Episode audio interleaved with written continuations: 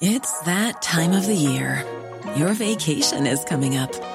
You can already hear the beach waves, feel the warm breeze, relax, and think about work. You really, really want it all to work out while you're away. Monday.com gives you and the team that peace of mind. When all work is on one platform and everyone's in sync, things just flow wherever you are. Tap the banner to go to Monday.com.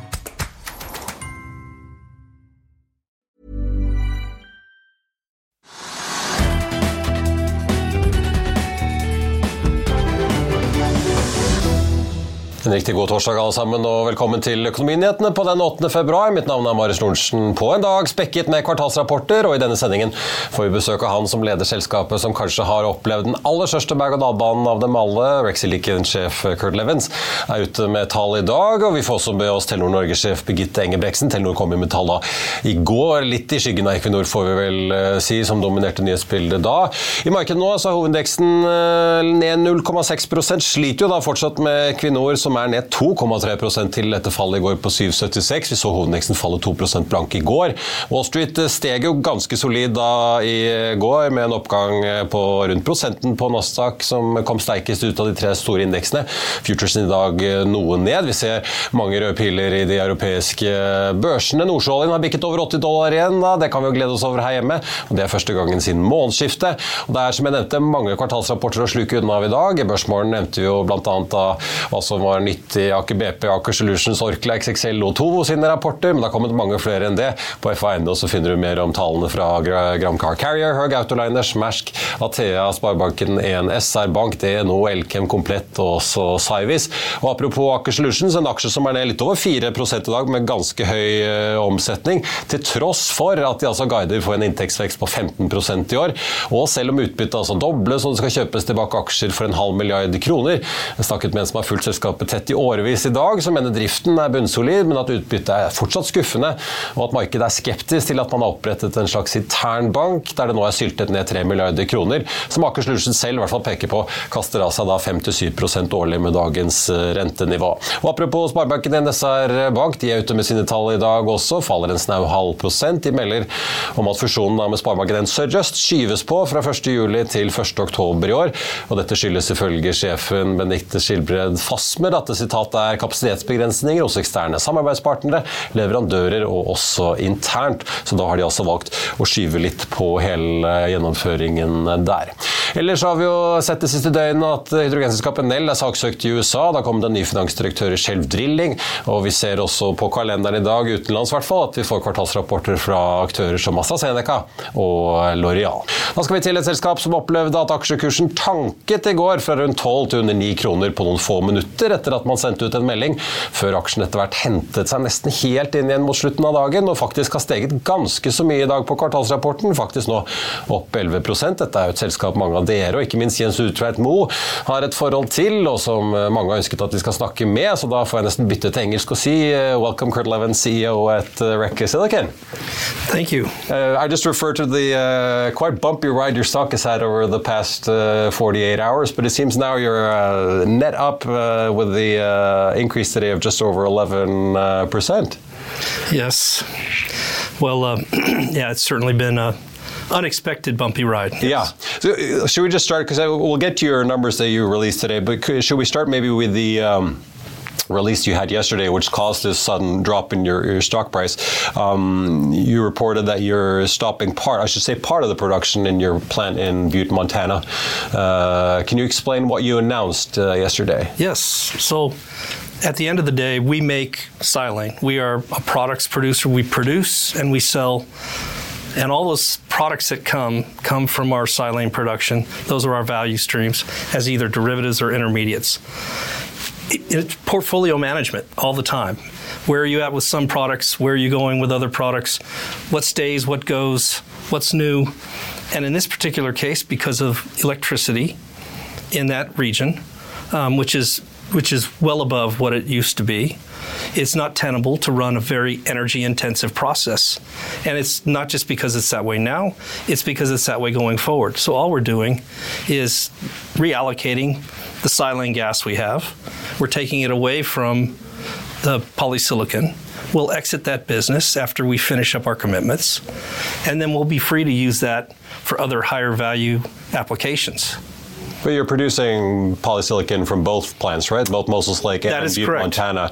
Does this power situation and the high prices, which a lot of Norwegians are familiar with because we've seen uh, electricity Yes. prices spike over the past few years as well, does this affect the Moses Lake area in Seattle as well, or in uh, Washington State as well? No, the Moses Lake situation is different. Um, in the Moses Lake situation, you have a public utility. There's a lot of transparency in terms of what their roadmap is for price increases or cost increases. And uh, there's periods where you're able to comment on that. So, I mean, that's something that's planned for. It's not because it's a public utility, it's a very transparent process. Whereas Butte was a deregulated free market owned by investor owned utilities. So, therefore, they're acting in you know, their best interests, which uh, in a short market, which is what exists there, uh, it's not you know best to be the buyer. Uh, When you read the release, it doesn't seem like the situation in, in Montana is going to be uh, improved anytime soon or abated in any way. You, you, point to forecasts for sustained long prices, so it seems like this is a situation which is going to last for a foreseeable future. Can you talk about the plant now? What it means for you in practice when you're taking part of the production out? Uh, can this plant be profitable then, or do you need to replace your production that you're now shutting down with something else ge- generating uh, cash flow and revenue? Yeah, I mean the plant can continue to be profitable um, by taking this out, and that was all part of the calculus when we made You the can decision. survive with the silane business Absolutely, that you have. Yeah. absolutely. Um, in fact, it's been a very profitable business for us. However, I mean, to truly maximize, yes, we need to grow that. We need to move those molecules that we've now released into higher value applications, um, both in the semiconductor industry, the PV cell industry, potentially the nascent silicon anode industry. All these, with all the investment that's going on and all the development that's going on in those industries, we kind of sit at the crossroads of being able to place that silane. Of course, it, it doesn't happen overnight, but but having the capacity gives us the leverage to pursue more of those those opportunities. So when do you expect to have a sort of clear picture of uh, what the future of this plane will look like? Well, I think um, you know it's going to take us some time first to exit this year, and then there will be some knock-on effects into next year, and so I think by 26 we're we're on a uh, you know better run rate in that sense, but. But the, business plant, will continue bottom to line grow. is still profitable Absolutely after the, the partial Absolutely shutdown. it is. Uh, Let's talk about Moses Lake, a facility uh, that sort of suffered from the trade war between China and the U.S. for a long Yep. time. Uh, now production is, is back online uh, just before um, Christmas. How is the restart going? I, I assume it's not 100% from day one, uh, that you're sort of stepping Yep. things up. That's um, Have you had any issues, expected or, or unexpected, um, in the restart? Well, I think anyone who has any experience in running a complex chemical and reaction continuous process who tells you they've had no issues would, would probably be very lucky or over optimistic. This has been shut down for quite a few years. right? Yeah, five years. And it was in a high temperature, high pressure, corrosive material service. So the fact that we were able to keep it the way it was, and then from there step it up with a very short planning horizon, if I may say. You know, less than 18 months from the time we said go to the time we were going. Um, we were able to get that. We were able to get that going. So yes, it is a ramp. And yeah, you run into challenges, but you work the problem. That's why we kept a lot of experienced people. And now, because of that, we're able to get on it and make the changes, make the adjustments, repeat. And so I think that's that's the path we're on right now. But are you progressing according to the estimates, budgets, and, and time frame you laid out from the beginning? Yeah. yes. Yes, we are. This uh, offtake deal, uh, which we uh, saw come uh, a little while back with Hanwha, one of your or your biggest shareholder in, in Yes. Korea. Can you talk more about the details in it? Because obviously, an offtake agreement seems quite nice to have, right? You, Yeah. you know, you have a customer buying your production, but when it comes to the prices they're paying, I, I, I read that it's going to be adjusted according to market prices. But does it secure the profitability in Moses Lake that the plant is actually profitable at all times, or is that given the market situation? Uh, well, it's both. Um, but at the end of the day, we have a we made a trade-off. So, because when we're starting, our risk is as we're ramping the plant, and as we're we're bringing our processes online. Um, we have probably the more risk when it comes to our cost structure until we get things lined out. So we have a bottom Of course, we had to take a haircut on the top. So our, our pricing metrics is that we exist within a band that is then tied to various indices, both inside and outside of China. So I think that, and given the fact that material outside of China has traded as a premium and will continue to trade as a premium to Chinese material, is such that we fully expect our cost to be below what our sales price is.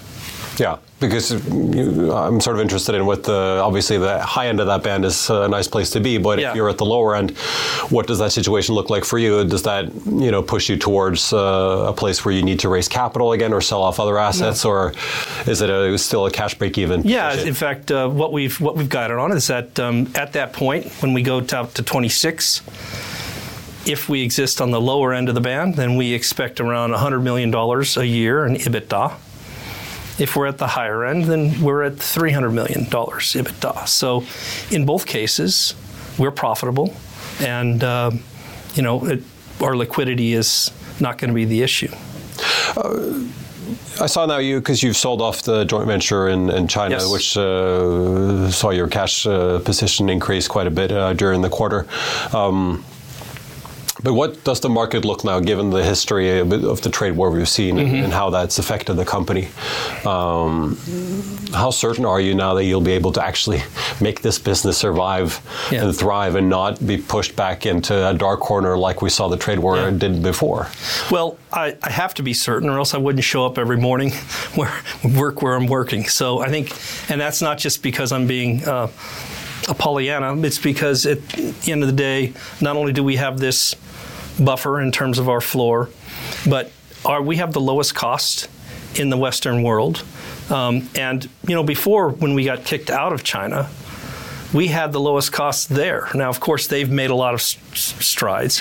So I think once we're up and running full out, then we're going to be ruthless in terms of pursuing cost reduction activities and optimization because we need to just use this time to drive our costs down. Now, could there someday be some Chinese material come over? I, I don't know. That's that that we'll, we'll see. Obviously, if things take off in the U.S., either capacity will need to be taken in the U.S. or there will have to be material coming from somewhere else.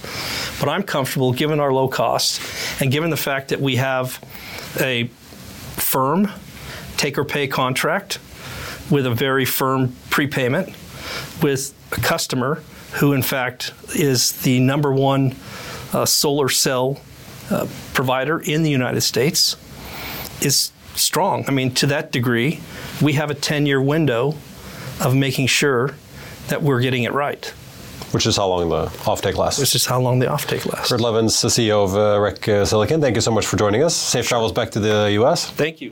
Uh, kollega Stein Ove Haugen har gjort en teknisk analyse av REC som du finner på FA.no eh, nå, men han er også en på Equinor, som jo er interessant gitt det voldsomme kursutslaget vi så der i går etter kapitalmarkedsdagen i dag, også hvordan de tyngre Oslo Børs i dag. Bare se her. Da skal vi begynne teknisk analyse med Equinor, og vi tar den tilbake til 2020. og Som vi ser her, så er vi da tilbake på 99 kroner, og så har aksjen da utvikla en stigende trend, bred stigende hovedtrend som vi ser her. Og så topper den da på utbyttejustert litt i overkant av 370 kroner her. Vi ser at aksjen har hatt litt, breie, litt sånn brattere oppgang her, og så har den hatt en liten tilbakegang, og så har den en ny bratt oppgang, og så har vi da hatt en fallende tendens nå siden eh, slutten av 2023. Og vi ser at aksjen har falt jevnt og trutt, brutt 50 dagers, nei, 200 dagers glidegjennomsnitt, flere tekniske støttenivåer, og så kommer da også bruddet på den eh, lange stigende hovedtrenden. Vi ser at vi har to referansepunkter her. Og Det tredje referansepunktet har vi her. og nå ser vi at den Bunnlinja i den lange stigende hovedtrenden den er nå brutt. Teoretisk sett så skal da aksjen nå korrigere tilbake mot den brutte trendlinja, men det er ikke sikkert det skjer. Det er teknisk motstand på 288 og 294. Aksjen er ned 2,4 i dag til 277 kroner og 70-80 øre. Eh, Og Det betyr at den kan falle videre mot 269 som en neste teknisk støtte. Men som sagt, her kan det komme en korreksjon tilbake mot eh, den brutte bunnlinja før aksjen eventuelt fortsetter videre ned. Vil du bli oppdatert på det viktigste som har skjedd innen finans og næringsliv? Da er det bare å følge med, for hver morgen er jeg, Marius Lorentzen og aksjekommentator Karl Johan på plass i studio for å ta tempen på dagens marked i Børsmorgen. Og hver ettermiddag oppsummerer vi alt du trenger å vite i Økonominyhetene, og det blir selvfølgelig masse interessante gjester. Klikk deg inn på fa.no-tv, eller søk opp Børsmorgen og Økonominyhetene der du hører på podkast.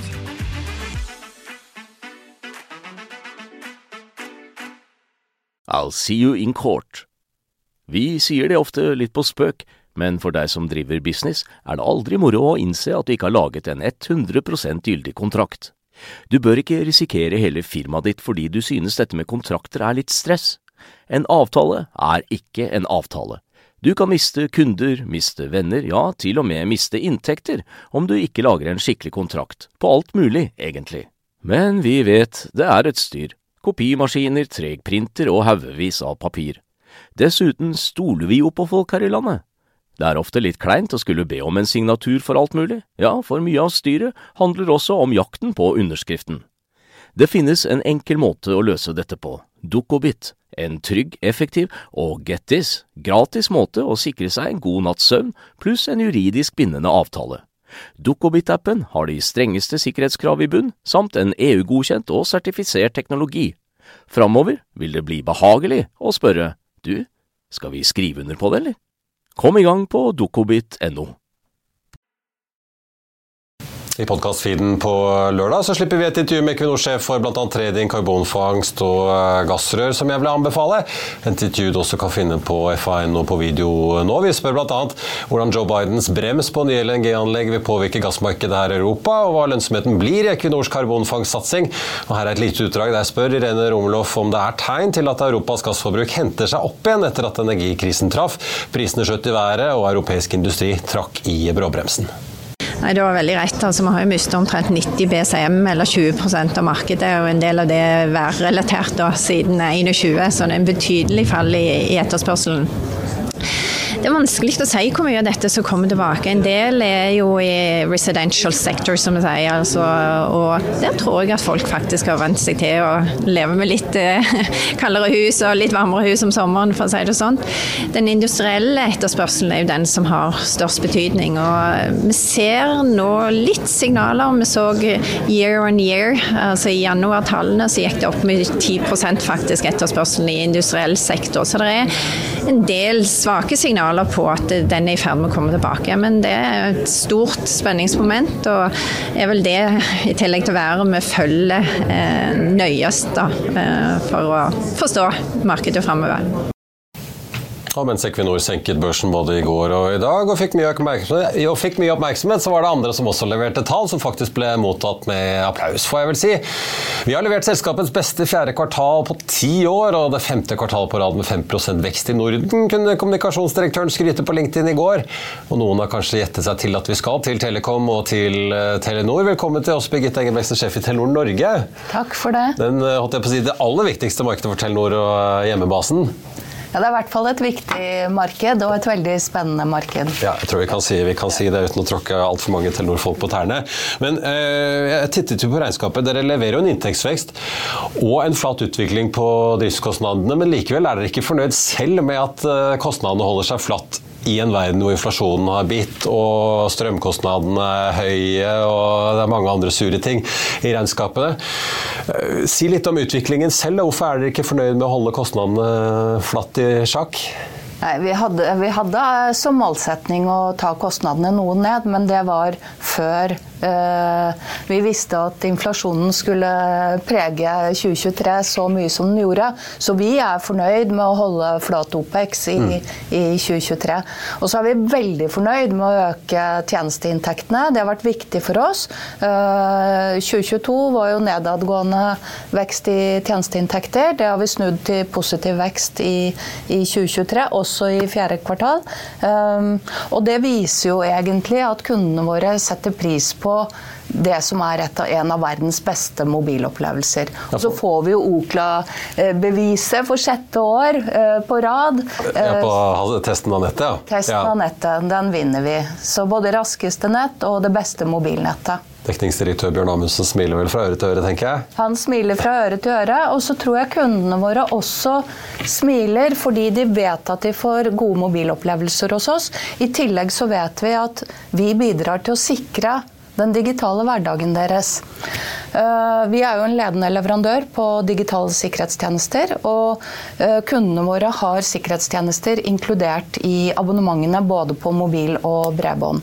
Og det vi så i fjerde kvartal, var at for våre kunder så blokkerer vi 300 millioner forsøk på digital kriminalitet via e-post, Messenger, apper. Ja, alle mulige altså, steder. ja. Og det er et enormt omfang. Og det viser at omfanget av digitale sikkerhetsproblemer det begynner å bli et alvorlig samfunnsproblem. Og i Telenor så har vi investert tungt i både å bygge en sterk sikkerhetsorganisasjon, men også å ta frem tjenester som kan hjelpe kundene våre med å være tryggere i sine digitale liv. Jeg jeg merket meg, Dere skriver jo at inntektsveksten skyldes jo en ting at dere skrur opp prisene for å selvfølgelig komme etter inflasjonen, som jo alle gjør, men også dette at verdiøkende tjenester eh, gir eh, vekst. Sikkerhet er jo en av de. Det begynte jo med en intern eh, Det var vel egentlig en internavdeling som skulle passe på Telenors nett og infrastruktur, men så har dere begynt å kommersialisere dette. Dere har jo snakket om at dette er et segment som vokser ikke bare i Norge, da, men i hele Telenor-systemet ganske lenge. Hvordan ser så veksttakten ut fortsatt? For på topplinjenivået for konsernet så snakker dere jo om, og for så vidt Norge og Norden òg, at da kan man kanskje håpe på en vekst på liksom lav ensifret, midt på ensifret uh, tallet, men er det fortsatt sånn at disse sikkerhetsløsningene leverer mye mer vekst enn det?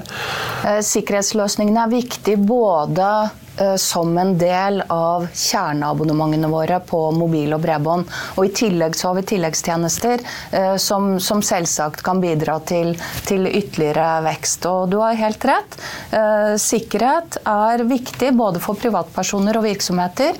Og, og kundene er eh, har betalingsvilje for å få bistand til å beskytte seg mot eh, digital kriminalitet. Så det er absolutt en kategori som blir som har vært veldig viktig for oss, fordi vi må ta vare på infrastrukturen, den samfunnskritiske infrastrukturen vi beskytter, men også fordi vi ser at kundene våre har behov for eh, en type beskyttelse, de også, da, mot Ja, digital for dette selger dere jo til altså Det er ikke bare privatpersoner, dette selger dere jo som øh, hva kan jeg si, proffe løsninger til bedrifter, større eller mindre også. Ja. Ja. Så vi har ganske avanserte sikkerhetstjenester som vi selger til både private og offentlige virksomheter. Eh, som er innenfor den kategorien som vi kan, kaller Managed eh, Security Services. Så det er helt riktig. Er, det, er dette området, hvis du ser på ja, altså, IT-relatert kriminalitet, har man jo hatt en god stund, øh, som kommer fra alle mulige kriminelle miljøer i større eller mindre skala. Men etter invasjonen av Ukraina og konflikten som vi ser brygge mellom USA og Kina, så har jo sikkerhetspolitikk og nasjonal beredskap fått en helt annen øh, prioritet på agendaen også. Merker dere det taktskiftet hos bedrifter og myndigheter at de er villige til å bla opp mer for å få hjelp til ulike løsninger, eller uh, rigge seg for uh, angrep og Ja, altså vi merker kombinasjonen av det enorme antallet digitale eh, sikkerhetshendelser og den geopolitiske situasjonen tilsier at ledelsen i ulike selskaper har sikkerhet mye høyere på agendaen. Og særlig funksjoner i samfunnet som, som har samfunnsviktige funksjoner, tar stilling til hvordan sikrer jeg disse samfunnsviktige funksjonene, eh, gitt at det er større grad av uro eh, i verden rundt oss. Hvem er det dere møter øh, i konkurransen her, da? Telia kaster seg vel sikkert på som en annen aktør. De har også mye infrastruktur i Norge, selv om dere i Norge er desidert størst. Da. Men er det, møter dere mange utenlandske teknologibedrifter som selger sikkerhetsløsninger òg fra USA eller europeiske land? Ja, vi, vi, møter egentlig veldig mange forskjellige aktører. eh, Både i Norge og, og, og globalt. Um, Så jeg har ikke lyst til å trekke frem én, for det er, det er ganske bredt spekter av, av konkurrenter i det markedet. Det ligger jo litt innunder sikkerhet, for så vidt. og Private nett har jo vært en uh, nykommer i bransjen, særlig med inntoget av 5G, hvor dere kan lage enten bare virtuelt digitalt eller faktisk fysisk egne mobilnett. Som man kan koble seg på enten man er bedrift eller myndighetsorgan uh, med de mobilene vi har fra før, så det er jo praktisk. Uh, hva slags aktivitet ser dere der nå? For du var jo ute ganske tidlig og sa at dette kan bli et stort marked for næringen. Ja. Nei, og Det tror vi jo fortsatt. Og så ser vi at det markedet der har utviklet seg litt saktere enn en det vi hadde trodd. Uh, gjennom 2023 så, så, har vi vel egentlig funnet et område hvor bedriftene og offentlig virksomhet uh, har behov, og det er innenfor den kategorien som vi kaller mobilnett som tjeneste.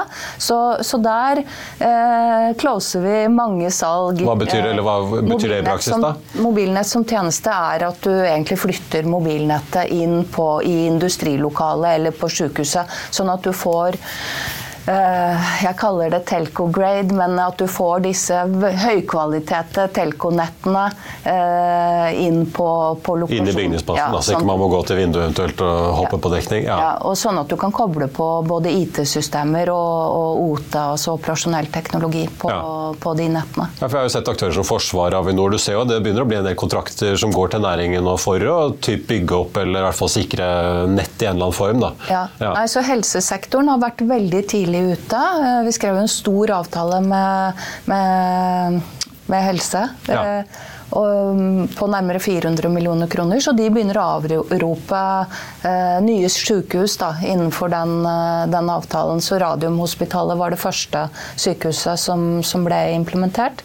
Eh, og så ser vi spesielt i industrien at det er stor interesse for mobilnett som tjeneste. Og så gjør vi jo som du sier, vi jobber med Forsvaret og også helsesektoren på sånne co-creation-prosjekter, som er egentlig å strekke mobilnettet i, ja, i, helt andre former uh, ut der hvor, hvor, de har behov for det. Ja. Så enda mer avanserte. For det her, for jeg tenker liksom det er nesten litt synd å si det, men vi tar jo mobilen veldig for gitt. Øh, enten man jobber i bedrift eller har det som privatperson. Øh, og veldig mange av de tingene vi bruker tid og penger på, er jo tjenester som er levert til andre enn dere, Telia, Ice og andre. Er det, er det sikkerhet og privatnett? Er det der dere skal finne inntektsveksten som kan forsvare disse store 5G-investeringene? Bransjen har jo, og dere inkludert, har jo trappet litt ned på tempoet på 5G-utrullingen nettopp fordi dere har vært ganske åpne på at uh, man har ikke klart like fort å skape de inntektene som man hadde håpet på. Ja. Eh, det er to kategorier som blir veldig veldig viktige. og I privatmarked så ser vi også at underholdningskategorien eh, blir viktig eh, også fremover. I bedriftsmarkedet så er det jo nettverk og sky som er de to, og sikkerhet, som er de viktige kategoriene vi har fokus på, og som skal være med på å skape vekst. Jeg vil snakke litt om hva som skjer på tvers i Norden. for at, Du skal slippe å svare for Telenor Asia, men der kan det jo potensielt bli en børsnotering som gjør at Telenor Asia forsvinner forsvinner. Norden blir jo virkelig kjernen i eh, Telenor. og Dere snakker jo både om at eh, dere skal få ned kostnadsnivået, og dere skal også ha flere ting på tvers i Norden, antar for å få mer skalaeffekter og ikke drive med like ting eh, både i Norge, Sverige, Finland og Danmark. Kan du si litt om hvilke initiativ som tas der? For dere har jo snakket om det der å se Norden mer under ett i en god del år. Ja.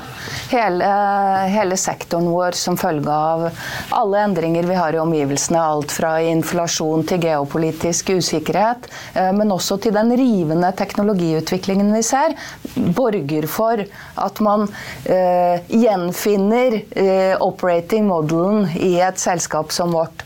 Og som en viktig brikke i det å, å bygge om nye operasjonsmodeller, så er jo de nordiske landene en mulighet for å skape skalerbarhet og synergier. Både innenfor disse mer transaksjonelle områdene som finans og HR, eh, men også på, de områdene som, ligger rundt IT, som, kanskje er mer sånn generisk eh, kontor-IT-type løsninger. Så det er områder vi jobber veldig tett sammen på i Norden. Og så er det jo også sånn at eh, kundebehovene til kundene i de nordiske landene, de er, de er, jo ganske like. Eh, så når vi tar frem nye tjenester nå, så kopierer vi gjerne de tjenestene eh, til andre nordiske land. Et eksempel på det er SafeZone, som er en sikkerhetstjeneste for bedriftsmarkedet, som vi lanserte i Norge i april 2021, den har vi også da etter en vellykka lansering tatt ut i Sverige, Finland og Danmark også. Ja. Så vi, finner, vi finner på én gang, og så kopierer vi med stolthet eh, ut i de andre markedene. Ja, for jeg tenkte liksom på analogien til banknæringen med Vips, jeg, som uh, nå har slått sammen MobilePay i Danmark og Vips i Norge og uh, Pivo eller hva det heter i Finland ja. til en felles nordisk tjeneste. Ja. ja. Og så ser du kanskje at fordi markedsposisjonene i de nordiske landene er forskjellige fra de ulike selskapene, så er kanskje pakketteringen og hvordan man tar tjenester ut, ulik fra selskap til selskap selskap. Men, men grunnleggende, alt nytt vi, vi utvikler, det sørger vi for at vi kan kopiere videre. Så invent once and deploy four times. Ja, ikke sant, hva det jeg skulle til å si. Men uh, litt på, hvordan skal dere få ned kostnadsnivået, da? Fordi at uh, Jeg ser jo dere sliter med strømregningen dere òg, da. Den var jo litt ned fra hva den var året før, men fortsatt uh, eh, 155 millioner vel i, i, Q4, ned fra drøye 200. er det andre grep dere tar for å få ned kostnadsnivået nå fremover, da? For er jo, altså, vi må jo regne med et lønnsoppgjør på 5 fort. og jeg skal, kan kommentere først på strøm. da, fordi Vi har jo som du vet lagt ned kobbernettet i Norge. og Gjennom det så, så har vi tatt ned strømforbruket voldsomt tilsvarende en, en liten uh, norsk uh, by. Eh, I tillegg til det så har vi jo inngått en sånn PPA-avtale med Hydro Rein, som vi nå står på og venter på at vi skal få på plass ja. Ja, i, i slutten av første kvartal. Så det blir veldig viktig i forhold til å kunne redusere, redusere strømkostnadene. I tillegg til det så jobber vi jo veldig strukturelt med å modernisere eh, den tekniske delen av organisasjonen vår. Sunrise er et sånt eksempel. Vi tok ut hele det gamle kobbernettet og tar ut eh, masse kostnader. Ja, ikke sant? Og tar ut mye kostnader som følge av det. Så vi jobber med flere andre sånne strukturelle initiativer for å sørge for at, at vi tar ned Faser ut legacy og, og, da tar ned kost også som følge av det. I tillegg til det så, så, jobber vi med å automatisere og digitalisere mange av prosessene våre. Det kommer til å bli kjempebra for kundene våre, for det medfører jo at kundene får en bedre kundereise hos oss, og i tillegg så blir vi mer effektive enn det vi er i dag. Uh, til slutt tenkte jeg å høre litt med dere som uh, bransje. Da. Nå, har jo, nå, har vi jo, i praksis tre, tre, nettaktører i Norge. Dere, Telia og Ice med lys i ryggen. Uh, Ice har jo i hvert fall lovet de skal bygge veldig mange basestasjoner. Vi får nå se, i hvert fall. Men er det i tross alt lite land som Norge, i en verden hvor kanskje myndighetene strammer mer og mer inn og krever mye mer redundans, må vi snart begynne å tenke mer på tvers. Dere har jo alle skilt ut mye av infrastrukturen deres i egne tårnselskaper. Eh, er det sånn at man kanskje må begynne å tenke liksom på tvers for å få nok redundans i systemene hvis eh, ting skal holde seg eh, operative 100% av tiden? Ja, vi har jo tatt til orde for å tenke redundans i Norden. Nå er de andre nordiske landene veldig snart også en del av Nato. Så det å tenke eh, redundans Og Det endrer vel spillet litt? Ja. ja, ikke sant? Så det å tenke redundans også over landegrensene Det er mange det er flere av landene i Norden som er ganske nær nordområdene våre, både Sverige og, og Finland. Så, så, det er mulig å tenke redundans også i et større perspektiv enn en bare nasjonalt. Og det tenker vi er veldig viktig eh, med tanke på hvor viktig den grunnleggende infrastrukturen som mobil- og fibernettene er for, for, både folk, men også samfunnsviktige funksjoner i, i Norge. Og så ser vi jo at på passiv infrastruktur så er det jo helt riktig som du sier. Man skiller ut tårn, og, og det etableres et marked hvor vi gjenbruker disse passive eh, assetsene, eh, alle oss som er i, i, sektoren. Og det tror jeg er en veldig, veldig god utvikling. Ja. Så kan vi ende med at uh, dere, disse tårnselskapene slår seg mer sammen og blir uh, ett, liksom, eller? Ja, jeg skal ikke spekulere i tårn, men, men, ja. Jeg skal ikke spekulere i tårn. Det, det kan det fort ende med. Uh, og der tenker jeg det er fornuftig, fordi sånn passiv, passive assets er du avhengig av å ha flest mulig leietagere på. Og så er det ikke det som skiller forskjellen på mobil- eller fibernettene, for det er jo den aktive delen av infrastrukturen som jo fortsatt ligger igjen i Telenor Norge, da, i vårt eksempel. Eh, til slutt, jeg så litt på eh, jeg så, Dere mistet jo litt mobilkunder i fjor, selv om det er relativt uh, stabilt. da, så Telia gjorde det samme, så det, kanskje de, noen snappes opp av Ice. Men på bredbånd så ser jeg på trådløst bredbånd vokser dere stadig. altså Fix Wireless, som det jo kalles i næringen, utgjør, begynner å snuse på 20% av kundemassen snart. 17 kan du si litt om hvordan bredbåndsutviklingen blir? For der er dere jo ikke i nærheten av så dominerende som dere er i mobilmarkedet. Er det mye vekst å hente ut, eller er det sånn at dere regner med at eh, også der vil på en måte antallet kunder snart bli mettet? Nei, det er fortsatt god vekst i bredbåndsmarkedet. Uh, fiber vokser med, nå tar jeg det fra mitt hode, ca. 11 ja. ifølge siste Nkom-rapport. Hele markedet er 3,3% Og vi forventer fortsatt vekst i bredbåndsmarkedet i i, årene som, som, ligger foran oss. Men det er blitt tøffere konkurranse også i bredbåndsmarkedet, fordi veksten har flata ut i større grad det siste halvannet uh, året.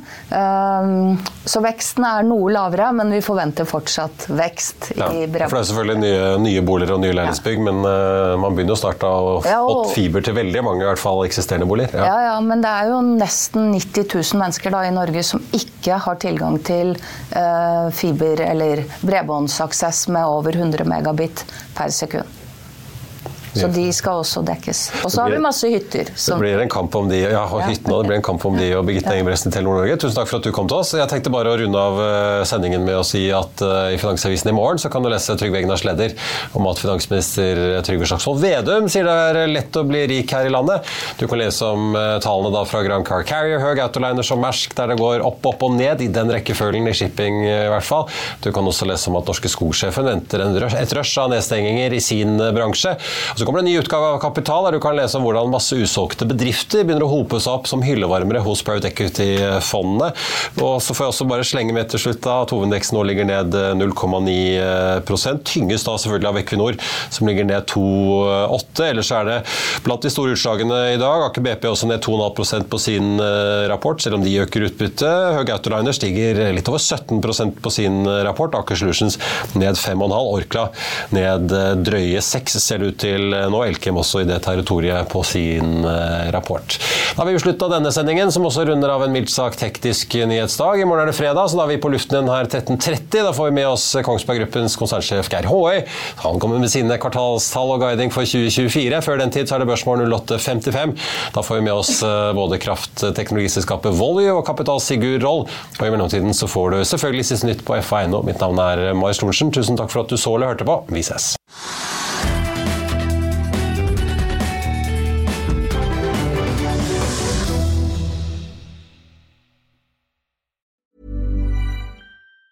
Hi, I'm Daniel, founder of Pretty Litter. Did you know cats tend to hide symptoms of sickness and pain? I learned this the hard way after losing my cat, Gingy. So I created Pretty Litter, a health monitoring litter that helps detect early signs of illness by changing colors, saving you money and potentially your cat's life. Pretty Litter is veterinarian developed, and it's the easiest way to keep tabs on your fur baby's health right at home. Go to prettylitter.com and use code ACAST for 20% off your first order and a free cat toy. Terms and conditions apply. See site for details. Even when we're on a budget, we still deserve nice things.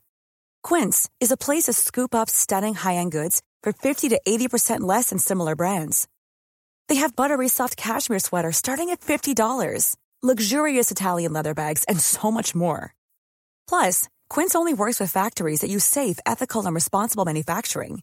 Get the high-end goods you'll love without the high price tag with Quince. Go to quince.com slash style for free shipping and 365-day returns. Økonominyhetene er en podkast fra Finansavisen. Programledere er Marius Lorentzen, Stein Ove Haugen og Benedikte Storm Bamvik. Produsenter er Lars Brenden Skram og Bashar Johar. Og ansvarlig redaktør er Trygve Hegnar.